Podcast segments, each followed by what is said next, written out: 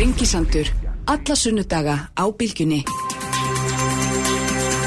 Komið sælir, hlustendur, nú höldum við áfram hérna, hefjum leik hér á Sprengisandurum í dag, þau verða hérna hjá með Sýriður á. Andersen, Rósa Björk Brynjársdóttir og Daðimár Kristófersson, e, professor í Hagfræði, hérna tvær auðvitað þingkonur, við ætlum að ræða þar, já, svona leggja út á orðum sótvarnarleikni sem nú reyndar hérna hjá mig núna, um það að nú sé komið að stjórnmálunum og taka aðeins, já, minnst þú veist, meira tilsýn í þessum, í þessari baráttu gegn COVID-verinu sem hefur nú svo sem gegn sýrt allt okkar líf núna í marga, marga mánuði og er fyrir sjánlegt að minni gera það áfram. Það ég að ræða við Þórólf sjálfan sem er hérna og Kári Stefansson ætlar að setjast hérna hjá okkur eftir smá stund líka og, hérna, og fara yfir þessi málöld með okkur.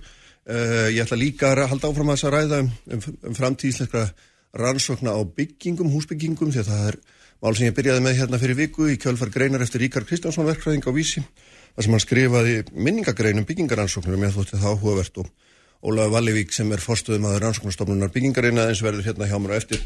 En þess að Þórólur Guðnarsson er settur hérna hjá mér. Velkomin Þórólur. Já, takk fyrir það. Eh, sko, þú sagðir í gæri að hérna, eh, nú kannski brestum aðeins minni gæri að fyrir þetta, að hérna, nú væri nýjir tímar.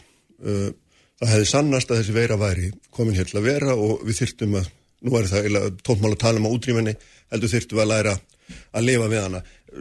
Farða eins með mér í gegnum þessa hugsun og svona hvaða breytingar þú sérð og hvernig og svo framvegis. Jú, ég held að sko það sem ég áttu nú eiginlega við það nú kannski aðeins verið, eh, ég hef kannski ekki verið alveg nógu skýr en, en e, það sem ég á við með því er það að þessi veira, hún er greinilega ekki farin og hún er ekki á neinum uh, buksum sínist mér að, uh, hérna, vera að fara úr heiminum eða að sljáka eitthvað í henni, hún er í miklum vexti í heiminum og það er algjörlega útsíðað með það í mínum huga að hún verður hérna með okkur næstu mánuðu og næstu ár mm. þar til að eh, einhver lausn eh, eins og bóluefni eða eitthvað annað kemur og það er nú kannski ekki alveg í auksin þannig að þá þurfum við eiginlega að fara að hugsa lengra fram í tíma við höfum verið að hugsa mest núna hvernig við getum haldið veirunni niðri hér innanlands og, og hérna og eins og við sögðum upp að við reyna að haldinni það mikið niðri að hún verði ekki uh, álag fyrir hilbríðskerfið og mm. einstaklinga og starfsemi og okkur hefur tekist ágætlega en, en, en nú erum við að horfa upp á lengri tíma og, og þá þurfa þetta er ekki þannig að, stjórnmálinn hafi ekki verið með í, í riðs, þetta er náttúrulega ráðherra sem hefur endanum ákveðið allar þessar aðgerði sem já, hefur inn í þannig að stjórnmálinn hafa verið með. Þannig að er, það sem ég áveiði það það, er, það þarf að fara að horfa til fleiri hagsmuna og til lengri tíma heldur en bara hvernig við að halda veirunni niðri. Mm -hmm. og hvað, sko, því að það sem er að velta fyrir sér í þessu sko er hérna með þessa veiru eins og hún er cirka, hún kemur og fer landlækni sagði nú reyndar að eitthvað staðar að næstu mánuður og kannski ár myndu einkennast að sífældum opnunum og lokunum til skiptis eftir í hvernig staðan væri. En hvers konar líf er við að fara kannski svolítið stór spurt en, en hvers konar líf er við að fara að horfa fram að myndir þú skrifa undir þessa lýsingu? Er þetta það sem við getum búist við? Jú, ég hef lýst þessu svona að, að, þetta er það sem að eins og ég sé það fyrir mig út frá sjóttvarnalegu svona mig mm. að þá er, þurfum við einhvern veginn að fylgjast með uh, framgangi veirunar, hvernig hún er að heða sér og það geta komið svona það, þessi, þessi hópsíkingu eða faraldur sem að núna er í gangi það er bara sínt sig að það þarf mjög lítið til. Það þarf bara eina tegund af veirunni. Mm. að hún þarf einhvern veginn að ná að búa um sig í samfélaginu og svo allt innu skýtur um kollinu hér og þar og að getur valdið alvarlegum afleggingum og ef við viljum bregðast við því, ef við viljum virkilega eiga þannig við veiruna, við viljum halda henni nýri og forða fólki frá því að, að veikjast eins mikið eins og hægt er þá verðum við að vera áfram á tánum og þá munum við sjá svona hópsíkingar eh, af og til og við munum þurfa síðan að bregðast við. Þannig að þetta verður svona uh, sveplukent og tröppugangur mm. og það er það sem ég á við með því að lifa með veirunni. Já. og ég held að við þurfum á sama tíma reyna einhvern veginn að halda upp ellu og lífi hér innanlands eins og hægt er og, og, og en við þurfum kannski að búa okkur undir svona annan raunveruleika heldur en við höfum við lifað við fram að þessu. Já. Og sá raunveruleiki getur falist í því að þetta ekki líka frætt að stöðum er að loka því sex vikur, opnar aftur í tvo mánuði, ég meina svo maður takir bara eitthvað dæmi, er, er, er, og maður spyr sér, er þetta í raun og veru sko, er ekki ansi miklu fórnað eða hvernig Jú, jú það er, þess vegna segi ég sko að það þurfa fleira að koma inn í og meta já, þetta já. Eh, ef að ég, en mitt hlutverk er fyrst og næst að meta þetta út frá sóttarnalegu sjónamið, mm. ég er ekki að taka sko öll hagrann sjónamið eh, inn í málið og það er alveg klárt mála þetta kemur náttúrulega mjög illa við mjög marga og, mm. Og, og mönnum finnst þetta órettlátt og, og sumir mig að hafa opið, aðri mig ekki að hafa opið og allt þetta. Þannig að þetta er það sem ég er að tala um þennan sáttmála sem við þurfum að eh, fara í og, og, og skoða. Þannig að, að það sé gagkvæmið skilningur á því hvað, hvernig þetta, hvernig þetta verður. En ef, sko, ef að við viljum halda veirunni uh, í sko eins miklu lámarki hér innanlands eins og mögulegt er mm. Þá þurfum við að gera þetta svona eins og við erum búin að vera að gera. Já. ef við viljum það ekki þá uh, verðum við að setja okkur við það að við fáum bara meiri útbyrjusla á veirunni hér innanlands mm -hmm. með meiri aflengum, meiri, meiri þunga og, og, og hérna fyrir helbriðskerf og svo framvegis, þannig að ég held að maður þurfa bara að hafa skýr, skýra valmöguleika í þessu. Já, einmitt, sko maður sér til dæmis ég veit ekki hvort maður getur svona með langað að fara aðeins meðri til útlanda og kannski aðeins svona tek það að er það, land sem að best gengur að berjast í veruna getur við sagt en það líka byggir á því að landið er náttúrulega bara lokað. Það er bara gjörsamlega lokað og, og fólk var sett í sex vikna heimasótt hví upp á og síðan hérna má enginn koma á þanga lengur nema bara heimamenn og þeir meira sér þurfa að fara í 14 daga sótt hví og, og það er svona, þetta, þetta er svona, þetta er ekki sko, þetta er svo drastist og, og hérna, hvað, erum við að horfa framann í svona heim í framtíðinu innan einhver ári viðbóti? Já, við þurfum að finna einhvern millivegi í þessu, ég bara bendi á það að mm. það eru ímsað þjóðir sem hafa verið með ansið strangar reglur, færi enga til dæmis, þeir voru allir þetta að fara í sótkví eða í skimun, samt er, er þeir konu með veiruna inn hjá sér. Það þarf svo lítið til og það sem hefur komið mér óvart til dæmis hér og ég bendi á að Ísland hefur ekkert verið lokað áður en þess aðgerðu tóku gildi núna 15. júni, þá vorum við með sóttkví fyrir alla og svo vorum við með fólki sóttkví í svona nöðsilega starfsemi og það mm. kom mér óvart hvað, hvað kom mikið af undan þá og beðnum frá atvinnulífinu, það verðist vera að erlend vinnuafl uh, skipti mjög miklu máli fyrir bara alla starfsemi hér innan þess, mm -hmm. fiskiðnaðin Uh, útgerð, uh, yðnað, stóriðju mm. uh, nefndu það Já. og þar, þetta byggir alltaf því að það komi hérna fólki inn erlendis frá til þess að gera ákveðna hluti og, og allir við að stoppa það ég spyr og með einhverjum afleggingum mm -hmm. við höfum reynd að vera með þetta fólki í svona sótkví en það er ekki örug aðferð eins og komið kom í ljósi á færingu til dæmis. Mm -hmm. Þannig á endanum, eins og ég sagt, það er samægilega sama hvað við gerum. Mm -hmm. Á endanum munum við fá þess að veiru hérinn og þá getur það gæst eins og er að gerast núna, hún breyðir bara úr sér og, og hérna við getum fengið hérna lítinn uh, eða stóran faraldur allt eftir því hvernig, hvernig það er skilgreint. Þannig að mm -hmm. það eru mjög margir möguleikar í því hvernig við getum undirbúið okkur bröðist við á næstu mánuðum, við getum verið mjög hörð, við getum verið eh, sko bara hafa allt, haft allt opið og, og eða reynd að hafa eitthvað kontról á því. Það er það sem að mm. mín skoðun og, og, og það er aðgerið sem hafa verið í gangi til þess að hafa gengið út á. Já. Annur leið væri kannski að vera með að svægar í aðgerðir og hérna venda hérna þá sem lagastanda sérstaklega Já, þe það er bara svolítið aldeilis í gangi líka já, já. það er á fullu, hjúgrunaheimilin þau eru hálflokkuð, mm. spítalarnir og, og hérna helbriðstofnarnir eru með sína leifinningar um, um, þannig að við erum með allt í botni þar líka það er ekki eins og við séum bara sko ekkert að gera í því og, og, og hérna reyna að hafa einhver aðgerðangstar annar stað, við erum með aðgerðir allstaðar í kerfinu mm -hmm. til þess að reyna að lámarka það að þessi veira komist inn í veikvæma hópa og valdi þar usla mm. Þannig að hérna maður er svona eitthvað meina að velta fyrir sér þessum, þessari þessari sviðismenn sem þú ert að draga upp og, og svona þú hérna hafði líst í yfir fyrir helgina þú myndir senda inn til og um helgina eða strax eftir helgina til sótarnarleiknis neð til sótarnarleiknis til heilbriðis að það er alltaf ég nú að segja það er svona þú væri búin að meta stöðun en betur. Og hérna Ég, þetta er náttúrulega allar, allt sem við verðum að gera er í síf, sífældu endumati getur það sagt og já og það er alltaf verið að spá að speklura í nýjustu tölur og þessar sko takmarkan sem nú er í gildi þar gilda núna til hvað 13. eða 15. Mm. ágúst þannig það spurning hvað tekur þá við og það er, það er hávarar kröfur frá mjög mörgum um það að grípa til miklu harðari aðgerða lokar hennilega að setja alla í sótt kví eða, eða, eða fara nýri 20 manna fjölda takmörg sko mm -hmm. og svo framvegis og svo er aðri sem að vilja fara miklu vægar í þetta. Þannig að Já. það eru all, öll sjónamið eiginlega sko, eru uppi og, og kröfur um það. Og mitt hlutverk er einhvern veginn að taka hlusta náttúrulega á þetta og taka einhverja skinsanlega ákvörðun mm, í, í því að, að hvaða, hvaða tilmæli ég kem með til ráðherra. Já, sem aftur þarf að taka skinsanlega ákvörðun um hvort það setja fylgjaði með ekki. Já, og þannig hefur það þetta verið eins og við rættum að síðan að síðast að hérna, einbríðsáðurinn hefur alltaf fylgt Er það ekki þínum til og með sko æsar? Jú, jú, hún hefur gert það, það er mjög gott samstarð þar á milli. Já, einmitt. En sko þessar undan þá er alltaf stórmerkilega sko hérna og það er svona, kemur líka heima saman þar sem þú ert að nefna að sko svona, við erum sjálfum okkur vest í einhverju skilningi. Er það ekki? Ég, ég menna, veist, það er svo margir hópar sem að nú voru nú bara með framhaldsskóla síðast, við erum með fótboltan, fleiri hópar sem við erum allir að hérna telja svona þeir geta eitthvað með einn verið til hliðar við kerfið og þurfum ekki að undirgangast hann með einhverju svona hluta og þá einhverju leiti sem þeir sjálfur finna upp á. Jú, það er náttúrulega þannig að það er kannski okkar hlutverkar að reyna að koma fólk í skilningum að, að við erum að við alvarlega hluti hérna og, mm.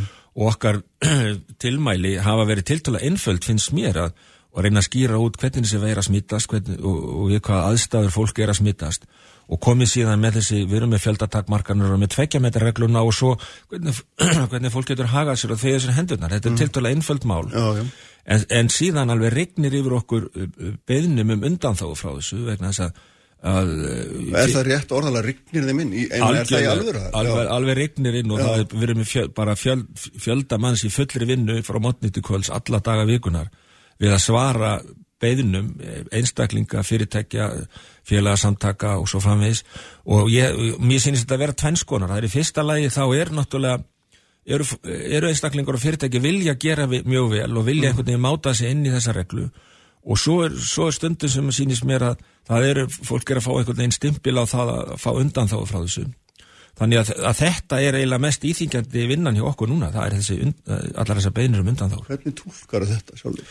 Já, það, já, eins og ég var að segja, það er sumir eru að máta sinni þetta og eru að reyna að gera bara eins vel eins og þau geta, uh, meðan að aðrir eru að reyna einhvern veginn að fá undan þá og tellja þetta ekki alveg við sig og hvort þið mm. getur ekki, getur ekki gert þetta aðeins öðru við sig og, og svo frammeðis og það er kannski líka skiljanlegt, þetta er mikið fjárhagslegt spursmál fyrir mjög marga, þannig að Þannig að þetta er svona þungin í vinnunni hjá okkur, myndi ég segja, þessa dagana. Mm -hmm. Við skulum hérna gera östu hlýja og hérna svo ætla Kári Stefánsson að setjast hérna hjá okkur eftir augnablík.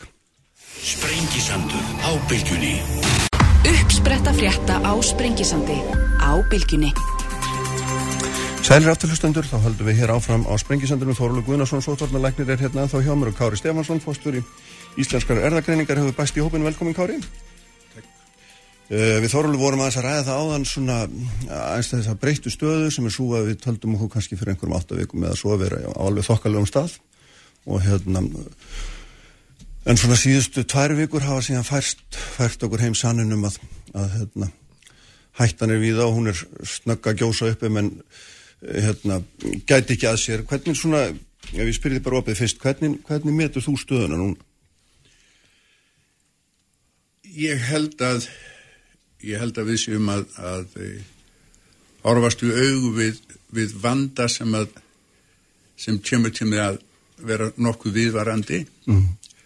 í, við vorum komin að góðan stað, við vorum búin að, að e, hreinsa landið að ef, ef við getum orðað sem svo á nokkur leita af veirunni.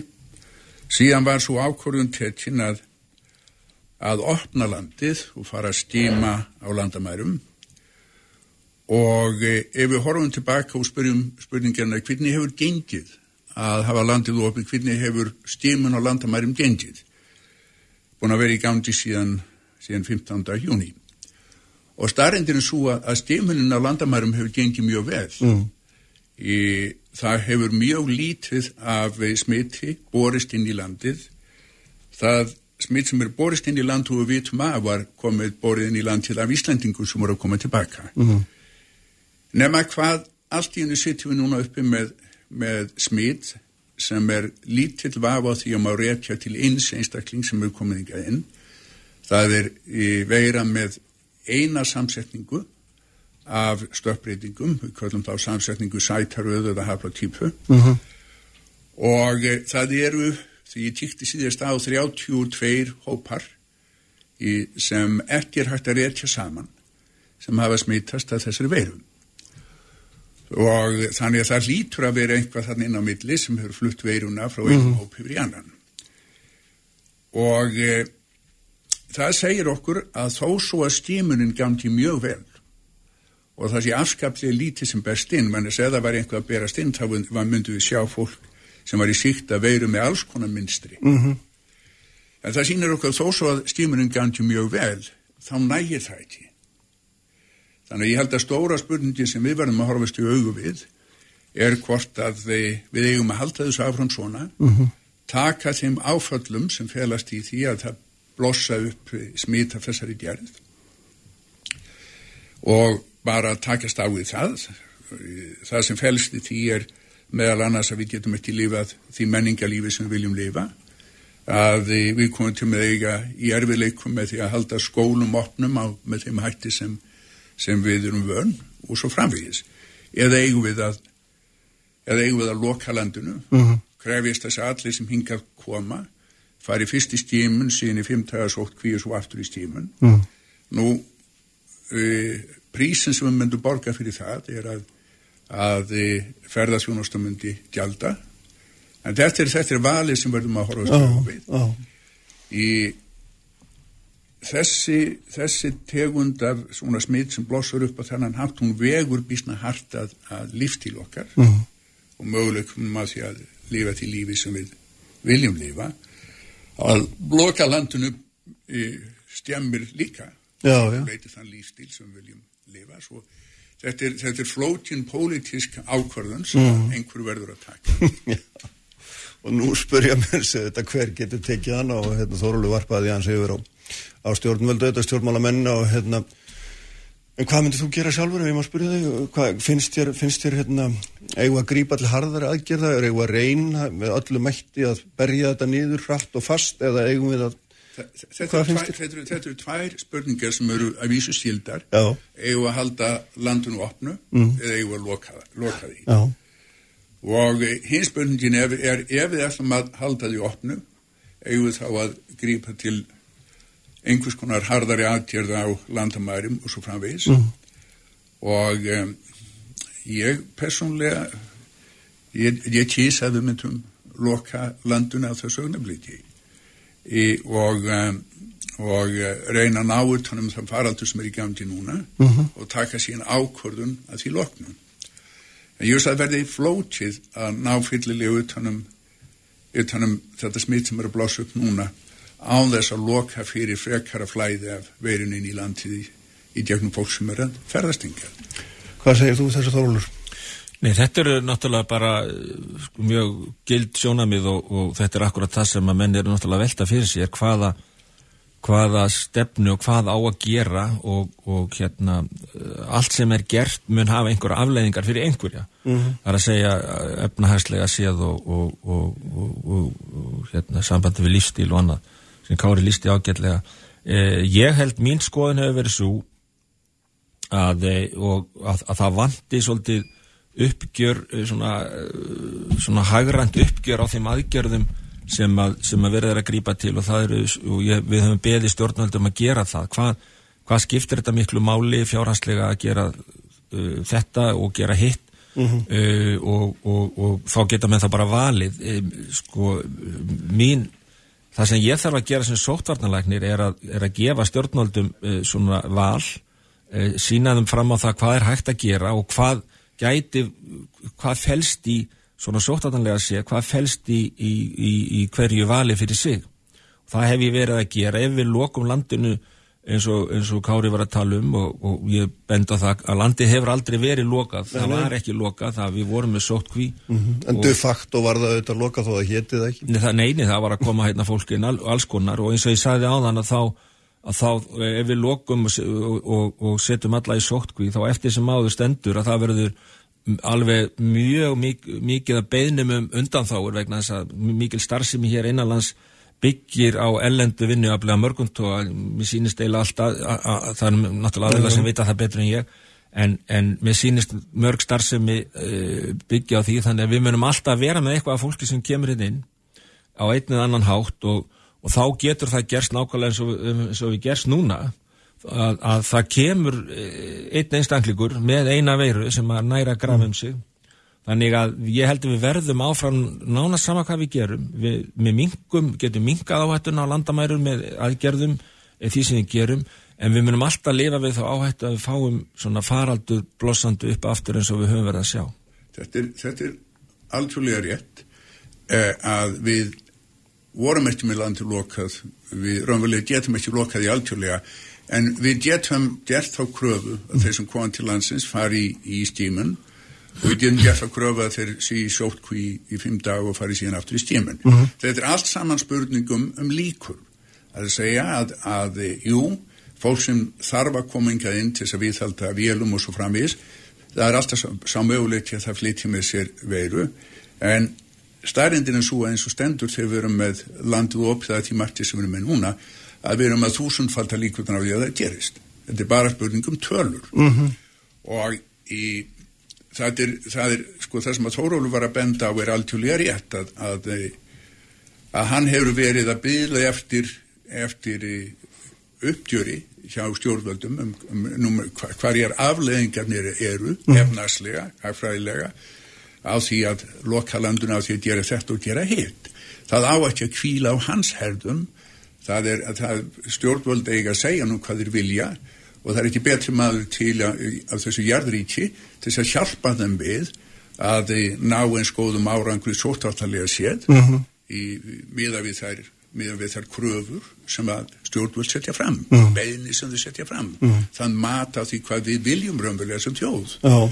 og það fer að verða það fer að verða bísna flókið og, og uh, ég ætla ekki að halda því fram að ég beri nokkur skap hafi minnst að vit á hagfræðilegum afleðingum af því að lokaðu opna og svo framvís það eina sem ég veit er að það er mikilvægt að koma börnum í skóla. Mm. og það er frá, frá eh, svona lífstílsjónamiði þá er það aldjúrt grundvæðar aðtrið að börn geti færði í skóla og verið þar á ellegan máta.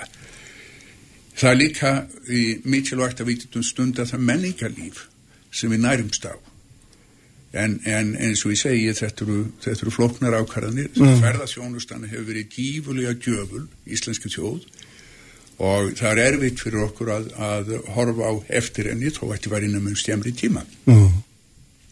Já, það er eins og þú segir réttilega þetta er náttúrulega mjög svona þetta eru þungar ákvarðanar líka það eru svo margvísleir hagsmunir jafnvel innan aðunlýsins er alls ekki þeir sömu og, og, og, og og það er svona erfitt að sjá nákvæmlega hvað minn finna út sem ég langar aðeins kannski sko ef ég byrði ykkur aðeins að varpa augunum aðeins út fyrir landstyrjan líka vegna þess að hérna, við sjáum það þetta það er hérna uh, veiran hún, hún markvaldast eiginlega bara í, í afli með hverju vikunni getur við sagt. Og hún er að leggja undir sig heilu heimsálfurnar og ógnar hraða og svona maður og, og hérna og svo halda minn einhverja vonum að að við hægt að bólusetja mannkinnið á einhverjum örf, örfa á mánuðum raun og veru og, og, og, þarna, og það verist vera eina leiðin út úr þessu. Hvernig, hvernig horfið á þetta ef maður leggur þessa svona breyðu spurningu fram? Já, ég held sko ég held að við séum ekki að horfa að það er allavega ekki í, í, í nánd neinn svona einhver töfra lausn á því að, að, að þessi veira fari. Hún, uh, við höfum verið að ræða um það hvort hún muni veiklast eða ekki veiklast, það er ekki negin merkjum það að hún sé að gera það og, og hérna ég get ekki sé að það sé uh, bóluefni alveg í, í, sko, í svona seilingafjarlað uh, það er alltaf mjög margir að verða að vinna hörðum höndum að því að búa til bóluefni. Það ofta er að rannsaka það á, á stórum hópi og, og það er alltaf að bera svona fréttir en, en, en ég held að við hefum bara að býða róleg og sjá hverju það skilar en ég held að svona raunsæst matsið sé kannski að það verður ekki fyrir einhvern tíman á næsta ári í fyrsta lagi eða lók næsta árs eða jafnveg síðar. Mm -hmm. eh, óskandi að, að, að það kemi fyrir náttúrulega. Eh, við erum ekki að horfa upp á einhverja, einhverja töfra lausn í meðferð. Þannig við verðum að beita þessum sömu uh, aðgerðum og sömu nálgun sem við höfum verið að beita allir er að beita, það er raun og verið allir að beita sömu aðgerðum en það er bara mismunandi hvernig menn standa að því. Mm -hmm. og okkar nálgun hefur verið svo reyna að gera það eins fljótt og hratt eins og hægt er til að koma vekk fyrir meiri útbreyslu og meiri afleðingar aðrir gera það ekki þannig og eru þess vegna með, miklu meiri útbreyslu og kannski meiri afleðingar þannig að þetta eru svona tiltölega skýrir valkostir sem við höfum. Mm, mm. Hvers, Já, ef maður varpa þessar sömu sömu hérna framtíðarpæling á því Kari Já, sko ég er bjart síðan en, en uh, Þórólfur segir kemur að, að uh, bólefni mér sínist að ganga alveg ótrúlega vel. Mm hjá nokkur maðlum sem eru byrjaðir að prófa uh, í mönnum. Það er til dæmis búið að, að bólusetju hópa fólki með eina þessu bólefnum og sína fram á að, að þeir sem eru bólusettir mynda e, mjög mikið magn af, af móthefnum gegn verjunni mm. á þennan máta. Þannig ég erði, ég erði hissa eða er þetta komið bóluefni sem var í farið að dreifa víðum heimum mitt næsta ár. Mm. Svo það sé, það sé svona nokkur vegið, það sé mögulegt að, að það verði komið bóluefni þá. En það er bísna langur tími þangað til og uh, spurningin er hvernig, hvernig takmarkar útbreyslu í okkar samfélagi. Oh. Það reynist vera bísna erfitt í starri löndum að hefja þetta vegna þess að, að það er erfið að ná utanum hópa. Það er, það er fólk kemur saman í, í starri hópum og svo framvegis. Og síðan reynist bara pólitist verið erfitt að taka þessu. Við tökum til dæmis ríkins og bandaríki Norður Ameríku þar sem að, þar sem að er, er mjög lítil samhæfing millir annars vegar ríkjan og hins vegar ríkistjórnarinnar í, í, í Washington.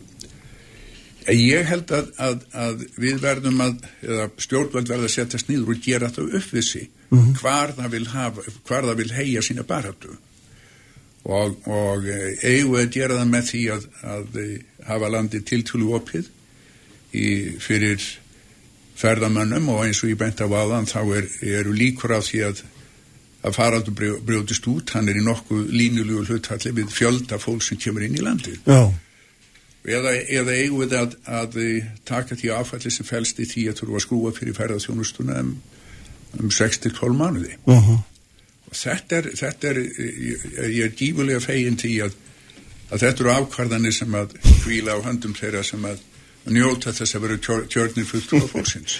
Já, nákvæmlega þetta er hérna, já það er svona sá kvölina sem að völina stendur einhverstaðar en þannig að, já, þetta er sko, en svona eitt annað sem kannski er svona þessu skilt er sko, þetta er þessi að það hefur verið gríðalur hraði í þessu þróun á bólefnum eða þessum áður þettist, mér minnir að menn að tala þau upp hérna, að það hefði tekið fjögur ár skemst að þróa bólefni áður. Og nú ætla mér að ná þessu kannski á, ég veit ekki, ári, einu hálfið eitthvað slíku. Og, þarna, og, og þá veldi maður því upp og ég tók eftir að helsti sérfræðingur breyta hérna, uh, nefndi það að sko, menn hefðu útvistað lífjaframlegslu allt og mikið til engaðila og, og þar alveg hefði ekki verið hægt að leggja náðu mikið á, mikla áherslu á hana í svona samhengi við líðhelsu að því að það er ekki arbært, en ég veit það ekki, ég varpa þessu bara fram, það en sínir þetta okkur ekki að Livjabransin, hann getur unni miklu hraðar heldur en, í, í eða hvað? Í þessu tilfelli er þetta ekki bara Livjabransin, heldur eru það líka e, stjórnvöld eins og sem að, að sem að fylgjast með framleiðslunni, við erum mm. sífælt að, að setja, e, gera meir og meiri kröfur til þess hvernig lífi eru áður en fara markað og eh, FDA sem er, er, er sá aðil í bandreitjunum sem að, að veitir leifi til að selja líf og, og hverjum dómum það hvort, hvort að uppfylli það stílmála sem það setur að, að nú allt í hann er FDA farið að vinna með lifjafyrirtækinu mm. þeir nokkur lifjafyrirtækjum í að búa til bólefni og í stað þess að vera sá aðilið sem að gaggrínir þá hafa þeir byrjað að taka þátt í því mm -hmm.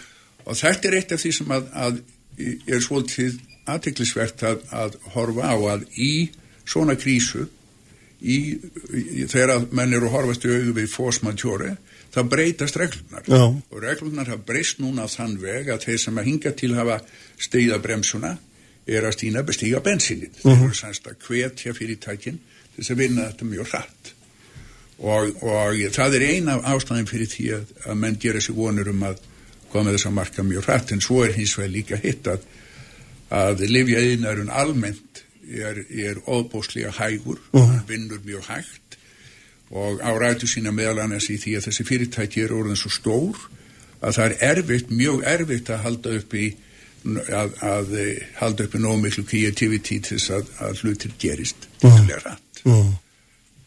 En það er kannski aðeins að bæta við þetta, Já. þetta er alveg rétt og, og, og, en það er kannski óvinnlegt að sjá að menn er að taka saman höndum og það er meiri hraði í öllu, það er ekki svona, menn eru ekki á bremsun eins og Kári var að lýsa, en ég held að við komum eigum eftir að sjá alls konar útfæslu á þessu þegar að fram í sækir. Ef að menn virkilega fara að geta uh, framleiða uh, virt og örugt bólefni, mm. þá þarf að náttúrulega líka uh, þurfa að líka rannsóknar á bakvið það þá kemur annar kaplu um það hvernig dreifingin á bólefnin á að vera.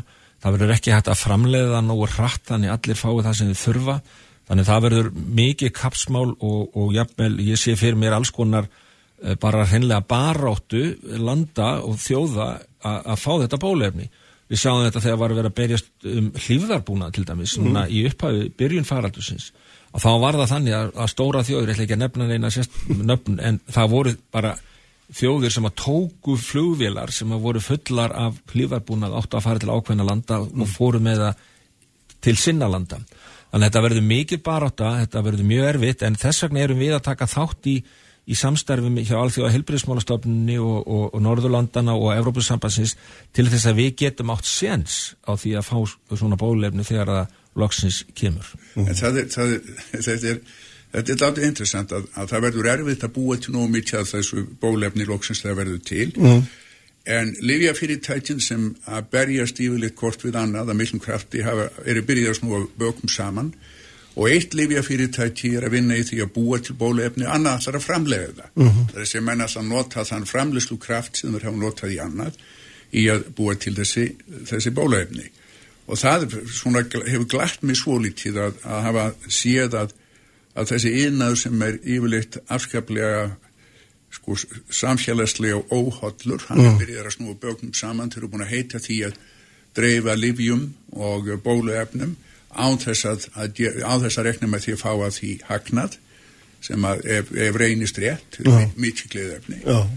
En, en þetta er alveg rétt sem Þórólu segir að, að við verðum að byrja að standa á tánum strax í dag til að tegja okkur í, í bóluefni því að það verður það verður slegist um þetta Já, já, já. En hvað ef ég spyr ykkur aðeins hérna svona rétt í lokin um tíma eh, sko hvað höfum við raun og veru langan tíma til að hérna taka þessar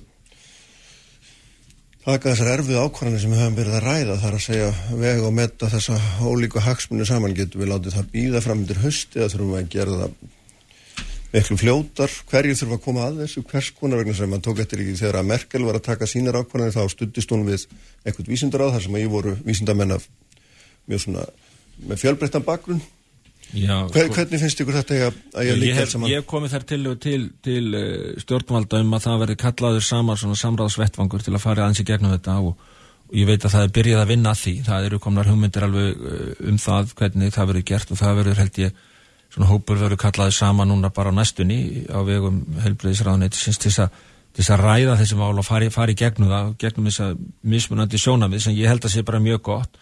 Það er líka hugmyndur upp um að, um að vera, sko, setja þessa starfsemi gegn COVID eh, bara í, reyna að afmarka það ákveðin hóp. Nú er þetta þannig að COVID-vinnan hún herrtekur sko allt ennbætti landlæknis, hún herrtekur íslenska erðakreiningu mm. meður og minna eh, þeir hafa náttúrulega þurft að, að, að liðsina þetta her, herrtekur landsbítalan þannig það þarf einhvern veginn og meðan, eru aðrir sjúkdómar og önnur vandamál sem er ekki verið að sinnalmilla hér, mm. hér innanlands þannig við þurfum einhvern veginn að setja þetta í almennilegan, almennilegan farveg þannig við séum alltaf í einhverju stríðs uppleipi e, frá degi til dags e, all, allir í kerfinu sko. mm -hmm, mm -hmm, þannig að sé ekki eða viðvarandi neðarástand en þetta er bara flokknara heldur en svo mm -hmm.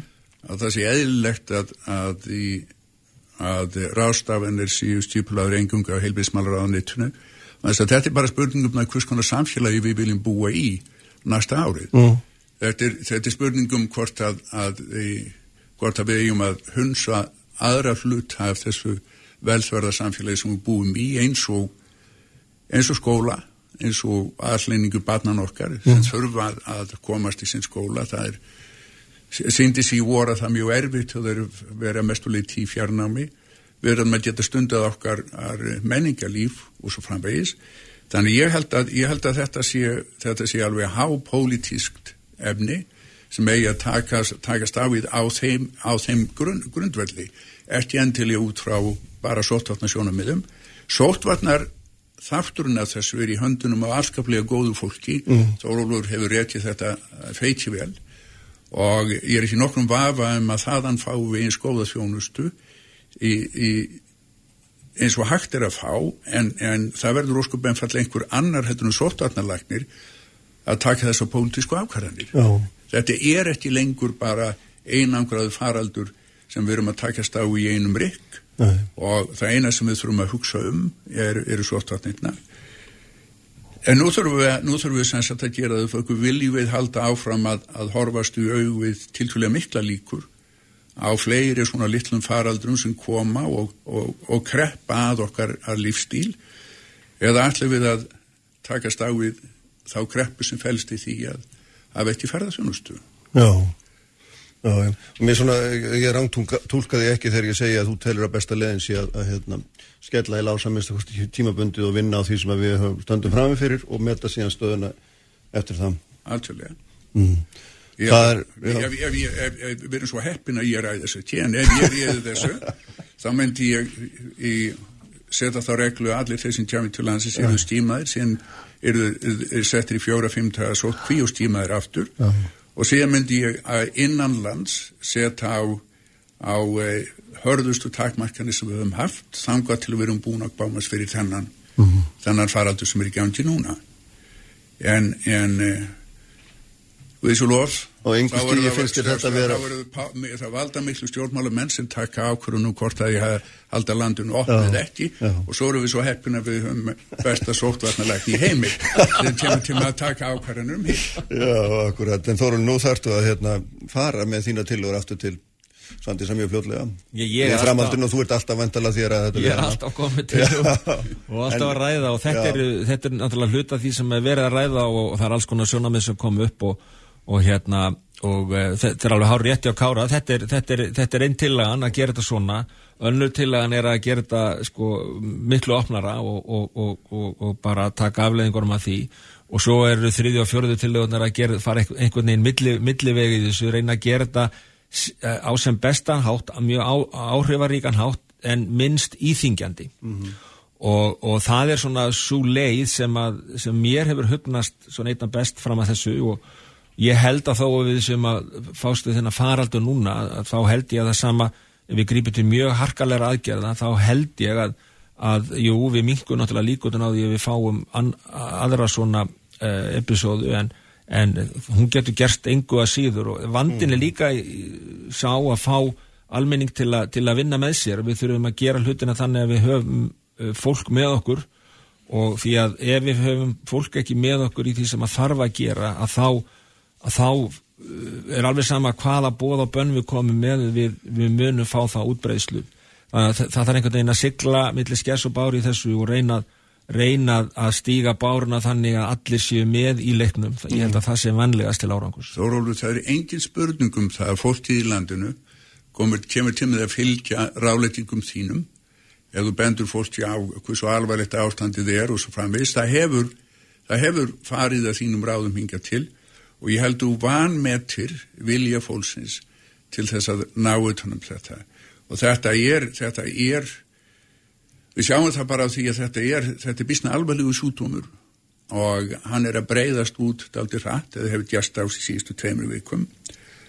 Og um, ég, Þorólur það er engin maður í landinu sem þetta fólk er reyðbúnari til þess að fylgja heldunum þér. Þannig að ég hættu að ég er ekki að nota trega fólksins til þess að hlýða því sem þú segir sem ástæðu ástæðu Nei, nei, það er alls ekki þannig en, en maður hefur bara séð við höfum til þessu undanfarið að það er náttúrulega verið að slaka alveg gríðarlega mikið á því sem að verið að byggja fólkum að gera og, og, og, og það er bara mannlegt eðli að, að einhvern veginn að það hefur ekki úttalt í svona takmarkandi aðgerðir mm. en, en þetta er bara eitthvað sem þarf alltaf að vera í huga og, og, og eins og þið heyri hér að þá eru bara marg, mörg sjónamið og, og margi möguleikar í stöðinni Já, Kári kemur hægt inn á alltaf algjört líki ladrið sem er traust en það er líka vand með farið, það brotnar auðvöldlega og það er líka munur á að vera varfærin og að hérna, vekja óta hjá fólki það er, það er hérna, fín lína þarna á millir Já, við sáum til dæmis sko núna þegar við vorum, það er alveg rétti á kári, ég held að okkur tekist að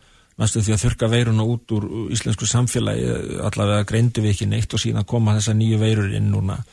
Og, eh, og ég held að þeim tímapunkti hafi uh, sko, við vorum áfram að reyna að halda fólki á tánum en það bara tókst ekki almennilega vegna að það var engin óvinnur í auksin, það var engin alvarlega veikur, það var engin að leggjast inn og svo breytist þetta mjög hratt núna þegar við erum að fá alvarleg veikindi aftur upp og, og, en það er okkar verkefni í raun og veru að, að reyna að ha, fá fólki með okkur og, og hafa upplýsingarnir í lægi, vera ekki að, að hérna, segja bara sannleikan á hverjum tímapunkti fyrir sig og svo framvegis, þannig að ég held að næstu mánuður og ár verði svona, raun og veru ég, ég, næstu mánuður kannski, kannski næsta ár ég, ég er nokkuð vissum að, að með bólefni sem að ég held að þessi lítill vafa á verði til staðar á næsta ári þá verður hægt að kveða til kútin uh -huh. Það verður óskandi Ég held að hérna, við ljúkum þess að þessum bjarsinu nótum og hérna, tökum undir það að það væri óskandi að þetta hérna, þetta tækist með þessum hætti. Kári Stefánsson og Þorvaldur Guðnarsson takk ykkur báðum fyrir að koma kærlega. Takk fyrir Kærlega. áfram eftir augnablik á Sprengisandinum Sprengisandur á bylgjunni. Kraftmikil umræða alla sunnudasmórna Sprengisandur á bylgjunni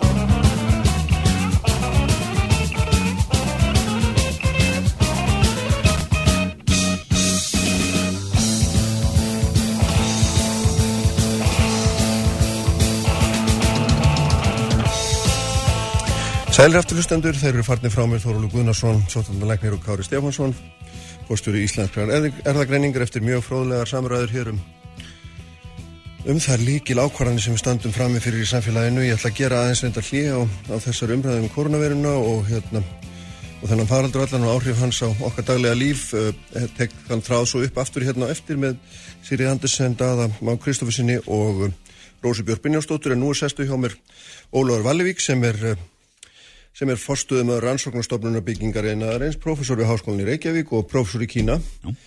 Svo þetta sé nú hérna til hagahaldið blessaður og sætlulega og velkomin til mín. Eh, sko, ég hafði viðtal við Ríkard Kristjánsson sem að hérna verkræðing sem að hérna um, um, um grein sem hann skrifaði sem hann kallaði Íslenskar byggingarannsóknir minningagrein. Já. Og þarna og þess vegna fannst mér nú fróðlegt að heyra í þér sem, sem manninu sem stendur í brunni í þessu vegna þess að Ríkardur dregur náttúrulega upp svona ófagra mynda þeirri bæða því hvernig við höfum synd þessu undarfarið og líka af framtíðinu því að nú ástendur til að leggja þetta nýður og, hérna, og færa þetta í annað form. Já. Hvernig, tekur þú bara undir allt sem hann segir eða, eða, eða, eða gekk hann á land eða hvernig, hvernig metur þú stöðuna? Ég, ég, ég er sammála mestu sem hann segir sko. Mm. Staðan er náttúrulega svo að það er stemt að því að leggja niður uh, rannsóknarstofuna mm -hmm og þetta er mjög stór stopnum, það er að segja að það er mjög góð tilrunarasta. Mm -hmm. Þess vegna er svo rosa mikilvægt að það verði eitthvað framald að því að annars ver, fer það bara á brunótsölu. Og við mögum ekki gleyma því sko að árlega velta byggingareinarins er á bylinu 200 til 400 miljardar. Mm -hmm.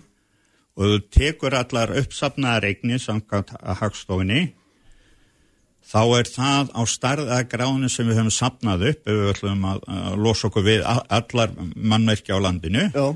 9500 miljardar króna uh -huh. og í framhald af því þá er viðhald 1-2% svo við erum að tala um ansi marga hundru miljardar mm. sem fari viðhald Já. og það sem við erum að berjast við það er að minga viðhaldið. Uh -huh. þú veist að byggja bara betur getur við sagt í upphái þá getur við neitt e, þá getur við nýtt þann, þá hundruð miljardar sem fari viðhald meira í nýbyggingar. Uh -huh. og þetta er líka náttúrulega vistvænt uh -huh. því að þeimun lengur sem bygging endist e, þá þarf ekki að byggja nýtt. Já, já Þannig. Að þetta er, þannig að í raun og veru erum við og, og, og svona í samhengi við þetta, hvað, hvað leggjum við að til dæmis á, á ári í byggingar rannsóknir? Hvað, hvað erum Já. við að skoða þetta ef, ef svona í framhaldu þessum tölum sem verður það nefnum? Já, e, e ef við tökum e, svona fimm ára aftur í tíman, mm. þá var þetta sem er sett sko í framlag til okkar uh, á starðagráðinu 42 miljónir uh, pluss kostnæður, þannig að, að það er ekki mikið. 42 miljónur á ári? Já. Þannig að svona ef þú myndir setja það miða við kostna, uh, eignan alla, þá ertu með 0,00000, hvað er komið mörg? Nákvæmlega, þannig að þetta er eitthvað, eitthvað algjört brota, brota, brota, brota því sem að, hérna, við erum að, rannsóknirnar fá miða við það sem við, upphæðinu sem við erum að, fjalla um í raun og veru. Og við fengum svona auka meðbyr að það var 41 miljón sem fór af ríkisframlægi til nýsköpunarmiðstöð, þú veist að á já, nýsköpunarmiðstöð já, já. og þa- það er til fimm ára og nú höfum við nýtt næstu þrjú, næstu þín þrjú á- ára því -hmm. og þá gáttum við til dæmis gert eins og þennan miklu skála. Þess vegna gáttum við ráðist í að steipa út íslenska útvegin. mm -hmm. En við getum ekki einu sinni notað tölvuforrið sem eru þekkt til að reikna út rakastreimi í gegnum íslenskan útveg.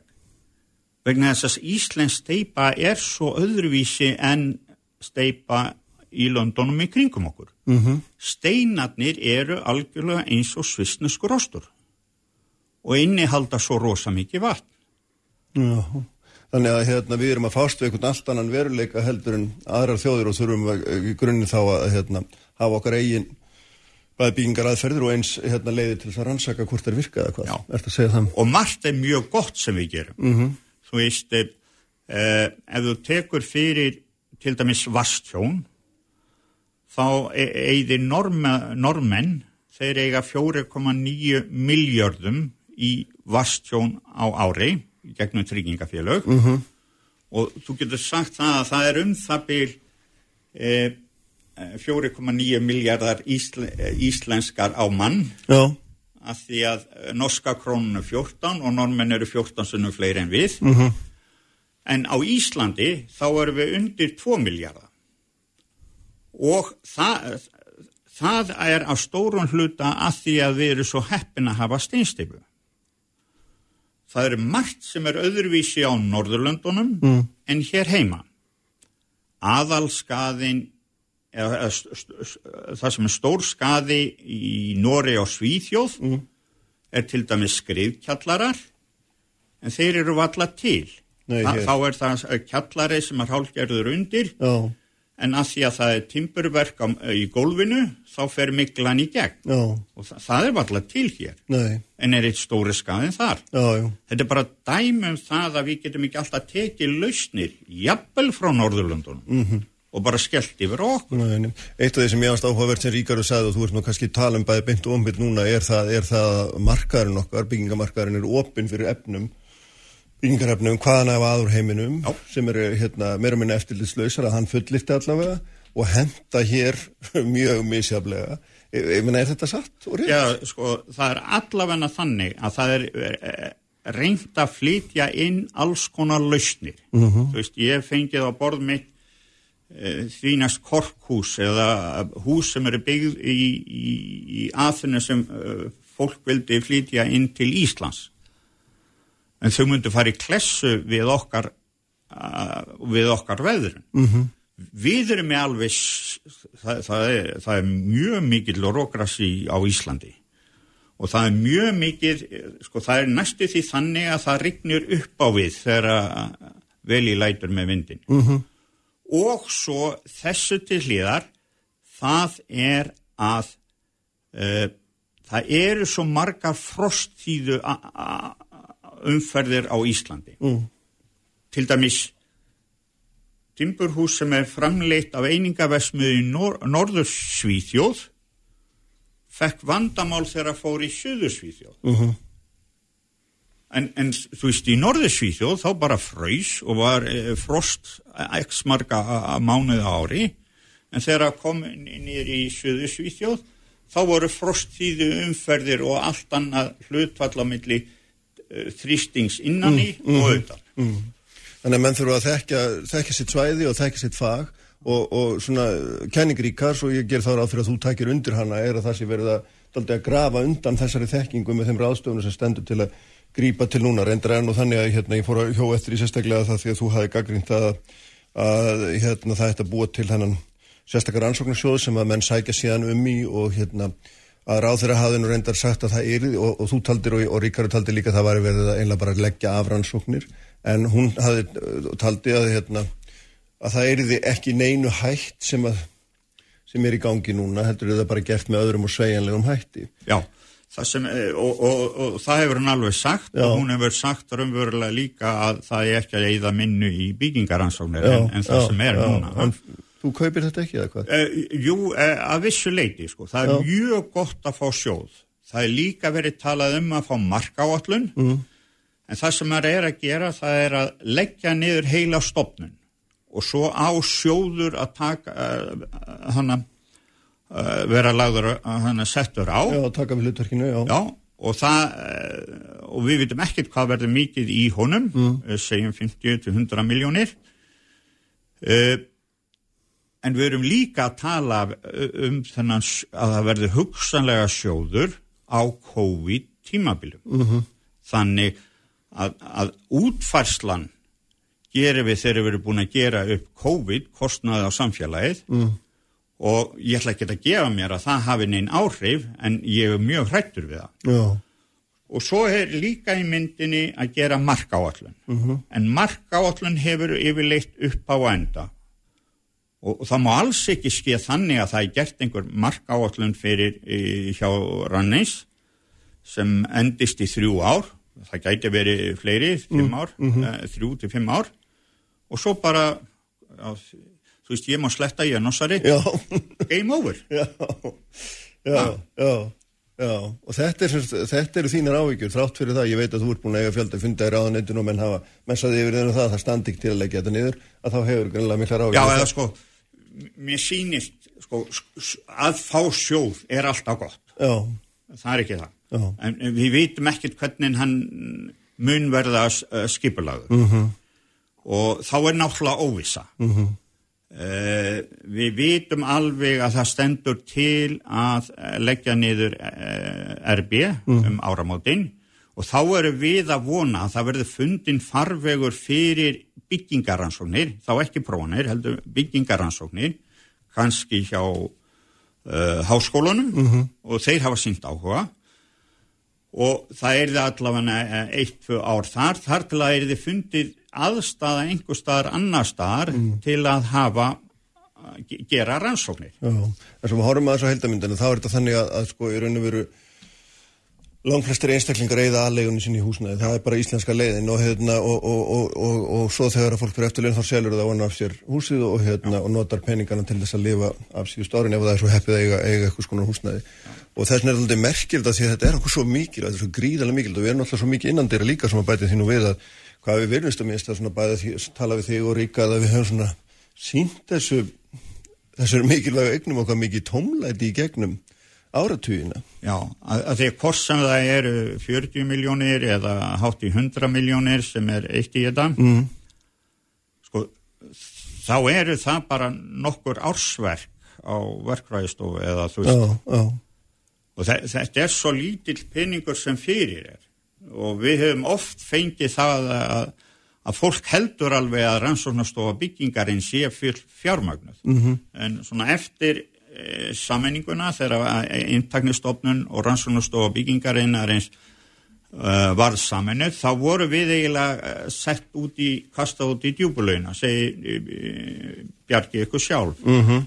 og við sjáum þetta líka í Malbyggsrannsóknum sko Malbyggsrannsóknir voru eiginlega komnar nýr í, í null árið 2015 mm -hmm. húsbyggingar eða húsbyggingar eðlisfræði voru komna nálagt 0 árið 2015. Mm -hmm.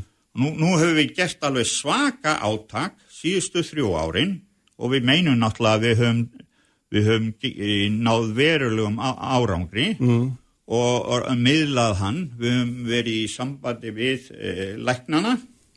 Út af miklu eða? Já, út af miklu, já. já. já. Og, og hérna, það eru fleiri sem koma að þessu þannig að við erum ekki eina heiðunni, það er líka hópur sem heitir betri byggingar mm -hmm. sem er hópur sem samanstendur af 5-6 verkfræðistofum og háskólunum báðum. Og hérna mannverkjastofnun og fleiri. Mm -hmm. og, en þetta er hópur bara sem, sem kemur saman út af því að hann hefur áhuga á að leysa þetta. Já, er bara þarna veginn frumkvæði sem sagt. Já, og, en þá hafa þau hjálpað okkur til að finna hvað var mesta vandamáli, alveg eins og við gerum svona erbjöblöð sem eru ansi lítrík Já, og, og þá er mikilvægastu það að frágangur votrýma því það, það er skýðað svo mikið sandræði mm. eldús er allt í einu orði votrými. -hmm. þannig að svíjar eru með meiri skada í eldúsum heldur en í baðherbyggjum mm -hmm. uh, af því að þeir löguðu allt varðandi baðherbyggin og svo varðandi þökin og ísetningu glugga. Þetta er stórt vandamál í Íslandi. Það- sem hefur komið meiri, mikið meira núna en fyrir 20 árum. Og er svona þið sem eru gamlir í hættunni þið eru greinlega svona uggandi um það að, að hérna, bæði þekking glatist og, og þarna þráttur er annars í fullirt og, og þá að þessar rannsóknir á einmitt þessu, hérna, þessum skada sem hérna, mikil þeirra saman kemur og, og þetta mikilvæga fyrir hvern og einn líka húsi Já. þetta er þekkingin hún bara glatist er það sem að þið Já, ég, ég, sko, með þessu þá hætta samhangandi rannsóknir. Þú veist, RB var eiginlega vörd samfélagsins á móti nýjum lausnum sem virk ekki hér. Já, Uh, þú veist, verkfræðistofunar eru mjög góðar að leysa vandamál sem er í núinu.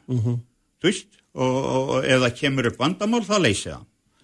En ég var líka í rísastóru verkefni í Nóri, það var upp á 285 miljónir norska krónur eða, og sem hætti 2015 og þar lei- leiti ég eh, sustainability hlutan og þar var eitt fyrirtæki, mjög stórt verktakafyrirtæki sem hefur verið hér á landi líka, það gerði að það reiknaði, sett upp mótel til að reikna kólefnisspor á byggingunni og var tengt við uh, BIM-kerfið eða tölvukerfið. Mhm. En það var svo gott að þeir vildi halda þeir fyrir sig já, og skiljiði aldrei til verkefnisins af því að uh, þetta gaf þeim uh, forskot. já, já. En nú hérna svona, svo við förum aðeins að hérna þurfum aðeins að að fara að ljúka hérna Ólafur, að, sko þarna, þú hefur náttúrulega verið að vinna að, sko mjög merkilegur rannsóknum á, á hérna vistvætni steipu Já. og, og, og, það hefur verið að gera þarna þessari stofnun og, og hún er í, þessar aðferðinar hafa verið nýttar víða um heim en eitthvað eitthva minna hérna heima einhverju hluta vegna. En er, skilir það þá rétt að, að þessar rannsóknir þar sem að hérna dreigir er verulega úr kólefnisspori bygginga eða steipu að þær, muni þær þá hætta eða færir þær eitthvað annað eða hvernig uh, hugsanlega bara erlendis. Uh, en ef, ef við missum aðstöðun upp á kjaldnaholti já, uh, þá er lítill möguleik að þau geta haldið áfram. Sko við erum með til dæmis eitt rannsóknarverkefni þar sem við gerum uh, mjög vistvæna steipu en förgum öllu plasti á Íslandi inn í steipuna -hmm. þú, þá eru búin að leysa það vandamann þetta er ótrúlegt en er þetta tilvætli? Já. já, Og það einasta sem er að ef við getum, hugs, uh, ef við getum reiknað plastið sem neikvægt kólefnisspor, af því annars er það bara brent í já, já, þá er steipan alveg kólefnisnau, eða þú veist neutral. já, kólefnishlutlaus. já, Og þú veist, steinsteipa er ekkert, uh, er ekkert sko uh, slæm með tilliti til gróðrúsalóttiðunda. Þú eru að muna það að 90% af rúmmáli steipunar er vatn, sandur, stein og loft. Það er aðeins 10% sement -hmm. og nú erum við með mikla rannsóknir að nota bara basaltið sem bindefni þannig við getum minkað sementinu um helming. já, Ástæðan fyrir því að þetta, uh, þetta er svo stórt mál á heimsvísu er að steinsteipa er langmest framleita efni í heiminum. -hmm. Það er að segja það svona með tvo eða þrjá hluta samsetta. Þess vegna er hún svona, uh, hefur hún svona stórt kólefnisspor. Þa, það er ekki vegna þess að steipan sjálf er Nei, svo... það er magnið sem það, það- það er magnið. Já. Og ef þú myndir skipta út 20% af allir þessi steipu með trevirki, þá væri Amazon skóðarnir fljótir að fara. já, já, það er hérna það er hinnhandleikurinn, herðu, ég held þú komst ekki lengri í bílólar, þetta var hérna frólægt og gott og hérna við erum einhvers nær um, um hvað er í gangi og vonandi hérna leysist nú vel úr þessu Já, já. þessu öllu saman til framtíðar. Herri, takk fyrir að koma. Ráðanýtti vill alveg fá góða lausna á þessu. Já, sjálfsög, hérna, treystum því og trúum. Uh, þau verða hérna hjá mér eftir Rósa Björk, Brynljónsdóttir, Sýriður á Andersen og uh, Daði Már Kristoffersson. Við ætlum að halda áfram að ræða að taka þrutt frá þeim frá Kára og Þórólfum. Það er ákvarðin sem við stöndum frammi fyrir út af COVID-krísunni hér á eftir. Sprengisandur. Alla sunnudaga á bylgjunni. Hér alla daga. Bylgja. Frettir þjóðmál og pólitík. Sprengisandur á bylgjunni. Sælir aftur lustendur, Ólaður Vallivík, uh, fórstumöður hérna rannsóknastofnunar byggingarennarnas, professor við Háskólinni Reykjavík og í Kína. Er frá mér, ég ætla núna að halda áfram þar sem eiginlega fráar horfið hjá þeim Kára Stefansinni og Þórólfi, Þórólfi, já er nú það, nú dætti alveg Gunnarsinni, dætti alveg úr mér Gunnarsinni, já, það er kallan Gunnarsson, hérna, E, þar sem vorum að tala um á þau eru sest hjá með Daði Kristófersson sem er prófessor í Hagfræði og Sigriður á Andersen og Rósa Björk Brynjarsdóttir sem eru báðar alþingis konur auðvitað, verið all velkomin Takk fyrir. Takk fyrir. Sko það sem vorum að tala um í morgun var auðvitað þessi svona staða sem við erum í og, og hérna, við höfum til þessa fyllt sóttvarnalækni í einu öllu og hann hefur stýrt verðinni og, og sóttvarnar viðmið hafa þar að leiðandi ráði því hvað við viljum hvernig við viljum helst berjast við veruna það er varðandi lokanir á fyrirtækjum lokanir til og frá landinu og svo framvegis eða, eða, eða þrengingar hömlur á ferðafrelsi og hvað við getum kallað þetta. En nú er svona ákallað fyrsta hálfið Þóróls en, en síðan margra fleiri um það að stjórnmólinn láti nú aðeins til sín taka og hérna ákveði hvers konar framtíð við viljum því að augljóst er að þessi veri er ekki að fara og hún mun leiða til þess að við þurfum að hérna vera opn og loka sjálfsagt á og til, þeir voru ekki sammála kári, helt kannski eitt ári viðbútt rúmlega það, þórólur eitthvað lengur. En allavega, hérna, það ég sá í viðtal við því að þú ætlaði að bjóða þig fram til varaformansku í viðreist, að hérna, þú, það var þessi veira sem hefði svona reikiði fram á sjónarsviðið. Hérna fundist að þú getur hérna láti gott að leiða eftir, eftir úr sástæla, er það ekki rétt skiljið á mér? Jú, jú. ég meina, hva, hvernig, ef ég bara kasta þessari svona stóru spurningu beint til hva, hvernig metur þú stöðuna? Sko ég held að, að þetta sé alveg rétt hjá þeim. Uh, Kára og Þórólfi eins og þú nefndir mjög mörgum öðrum. Gilvi Sóvika, kollegi minn hefur nú til dæmis verið að ræða þetta í, í greinum undanfarið og fleiri. Mm. um, þetta, þetta er náttúrulega ástand sem við höfum ekki séð áður. Uh, og, og líka við skilir því á Íslandi sem að eru frábröðum því sem við höfum uh, kannski upplifað í undanförnum krísum. Uh, hvort sem við tökum síðustu krísu þar sé hrunið eða síldakreppuna 68 þe- þetta er allt öðruvísi kreppa. Hún, hún sækir umverulega alla heims, heimsbyðina jaft og, og hún á í sjálfu sér enga sérstaka uh, uppsprett og Íslandi raunar hafa viðbröð Íslandinga verið fyrir ekkar góð og skinsamleg uh, undir stjórn uh, Þóróls uh, og, og, og hans kollega. Staða Íslands út á við er líka mjög sterk. Krónan er, er sterkar en hún hefur verið um margra áratugaskeið. Skuldastaða ríkisins er, er góð þar að segja innviðirnir, íslensku efnagsinnviðirnir eru, eru öflugir. En auðvitað hittir hún fyrir þessa grundvallar atvinnugrein sem hefur núna orðið til á, á undarförnum áratögu eða svo ferðarþjónustuna uh, mjög illa fyrir. Og, uh, og ég held að það uh, í sjálfu sér lág fyrir held ég í, í, í fyrri uh, hérna fyrri krísu eða semst fyrri uh, uh, hérna COVID-bylgjunni Já, já, að þeir eru fyrstu allavega. þeirri, þeirri fyrstu Já, að um, þetta myndi taka langan tíma og þetta yrði mjög erfitt.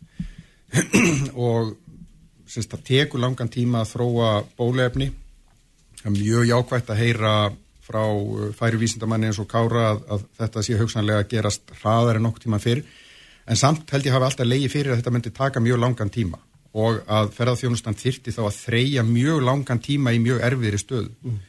Um, og ég held að þetta saman uh, gefur til kynna að við, við þurftum að, og, þurfum, það er mín uh, hérna mitt mat uh, plan sem að geri ráð fyrir því að við uh, reynum að styrkja efnahagsinnviðina uh, koma í vekk fyrir mjög umfánsmikið atvinnuleysi og alltaf neikvæða sem því fylgir. Fyrst og fremst með því að hvetja innlenda eftirspurn og, og nýta svigrum hins og ofinbera og hvetja enga aðila til þess að, að nýta þetta sveigurum til þess að, að ráðast í fjárfestingar. Af því að um, ég hef litla trú á því að uh, það muni lifna yfir ferðarþjónustinni fyrir en að, að bólefni kemur.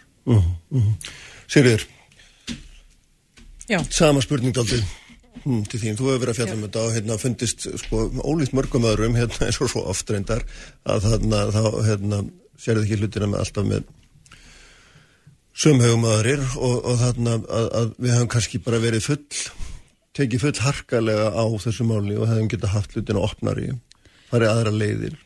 Nei, já, þú nefnir það ekki sömu augum, það er nú, er bara þannig við erum öll með svo mismunandi augu Já, ég var ekki að segja þetta í neikværi Nei, merkingu nei, ég síður en veit það, ég veit það, en það er ágætt að halda því einmitt til haga að, að við þurfum einmitt að horfa á heildarmyndina frá ýmsum sjónarhornum og velt upp uh, svona alls konar uh, alls konar sína á, á þessa hluti og ég, tek, nei, ég hef tekið undir uh, með uh, þeim sem hafa verið að hrósa með sótvallar yfirvöldum í þessu hvað það varðar að við erum afskaplega heppin að hér hafi ekki verið lagðar til uh, só, í nafni vísindan eða sótvarna uh, drastískar aðgerð eins og við hefum séð í mörgum löndum bara í kringum okkur.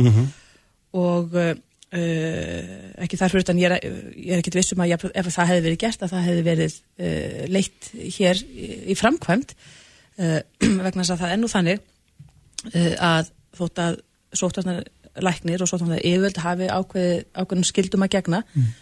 við svona aðstæður uh, eins og það til dæmis að leggja til og jafnvel grípa til, og sótvarnar læknir hefur heimilt að grípa til sjálfur ákveðna aðgerða já, já. við ákveðna aðstæður, mjög þröngar aðstæður þá er það ekki svo, svo að til lengri tíma litið að þá uh, sé það þannig að valdið verið sé fært yfir til, uh, til þessa hóps þannig að sko ákvarðinu um aðgerði hafa alltaf verið í höndum stjórnvalda kjöruna fulltrúa Mhm. svo því sé haldið til haga Form, Formlega er það þannig já. það er formlega þannig Já, já. Og, og það, er, það er ekki bara formlega þannig heldur er það efnislega líka þannig Mhm. og við verðum að geta treyst því að, já segjum ef Þór hefði hef bara það er ráðlagt að allir myndu grafa sig í sandin í reynisfjöru sko að þá hefði nú stjórnvöld kannski og ráður ekki skrifað undir slíka reglur Nei, en, hún, en samt sem sko. að hafa þeir skrifað undriðilega hvert Já. einast orð sem hann hefur Já, sagt vegna þess að menn hafa lagt mat á það stjórnvöldin á hverjum tíma að það sé skinsamlegt að gera Já, og nú er það er það sem ég er að reyna að koma að við- já, nú erum við komin að þeirri stöðu að hann segir sjálfur, heyrðu, nú verður að hlusta fleiri mig. Já, það er, og það er nefnilega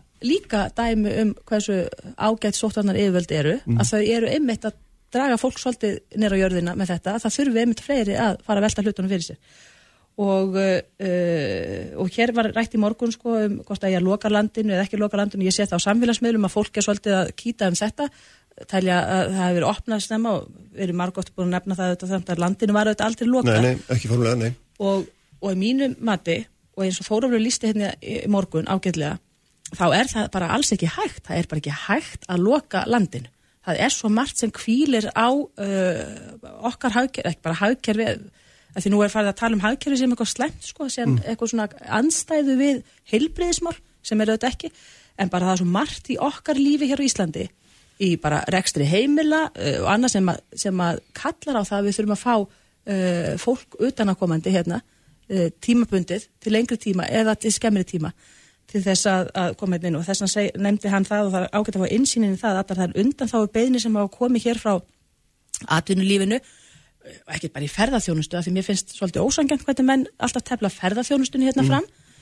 Hún reyndar er, það er þetta skilgjana ferðarþjónustu auðvitað í mjög víðu uh, með víðum hætti en atvinnulífið allt hefur þurft á því að halda fá hinga fólkin og það, landin hefur aldrei verið lokað hinga hafa komið inn fjöldi, fjöldi fólks sem er að vinna hérna til lengri eða skemmri tíma og gleymum því ekki heldur að Íslendingar þurfa líka þeir eiga líka erindi utan Já, já, til já, útlanda. Þannig að þetta er, ég, ég vil bara segja það er með tómt mál að tala um að loka landinu. Mm. síðan er spurningin hins vegar hvort við höldum áfram að skema uh, og hvort við höldum áfram að skema með þeim hætti sem við erum að gera núna. Og þar sýnir sitt hverjum uh, innan uh, heilbriðiskerfisins og vísindamannana þessi sem tilþekja uh, hvort að það sé skinsamlegt að eigða miklu fjö og mannabla uh, í það að halda áfram þessari skimun Mm. ég sló á það uh, með grófum hætti að föstudaginn hvað eitt smitt hefur í rauninni sjálfur sér kosta, það hefur kostað svona um 23 miljónir að finna eitt smitt Á landamærunum. með við þær töl sem við höfum vegna sem við höfum verið að skima 70.000 og höfum fundið uh, hérna 30? sem mörg 30 smitt sko. Er það ekki? Já, ég að með tölunum. kosta eitthvað 12.000 eða eitthvað, eða hvað það er 15.000 kall að, að, að eh, skima þetta en, en, en svo segi ég það, svo vantar okkur svolítið og þar held ég kannski við kjörnir fulltrúar fulltrú fjárveitingavalsins Mm.